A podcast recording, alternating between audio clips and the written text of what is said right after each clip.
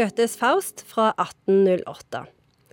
Faust inngår en avtale med djevelen. Det viser seg å være en ganske dårlig deal for Faust. Faust dør, men det går bra til slutt. Hæ?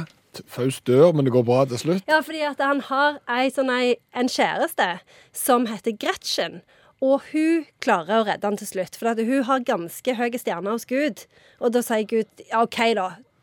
Han får komme til himmelen. Selv om jeg mislikte det han gjorde. OK. Ja.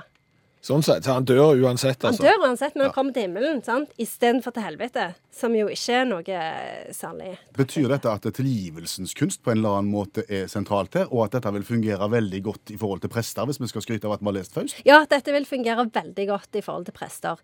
Eh, og så vil det fungere mindre godt blant eh, sånne mm, vitenskapsfolk som driver med fysikk og sånne empiriske vitenskaper. Fordi at det, eh, Faust tematiserer dette med kunnskap.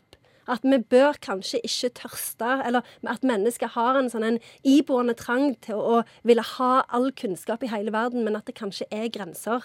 Så vi er jo litt tilbake til Frankenstein litt tilbake til den samme tematikken. At det Don't go too far, your dreams are China in your hands, for å sitere Tupau.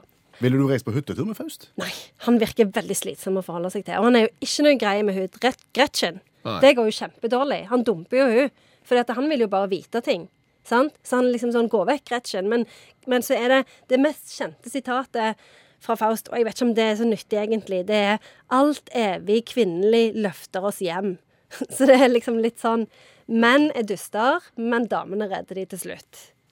Da oppsummerer vi Faust av Goethe, Skjæveland. Ja, det er såpass enkelt at ikke gjør en avtale med djevelen. Det er, pleier å være dårlig butikk. Punkt eh, punkt eh, to, det går an å komme til himmelen hvis du da har en grei eh, kjæreste. Eh, men skal du på hyttetur, så reis med Gretschel og ikke med Faust. Ja, Syns det er en god oppsummering.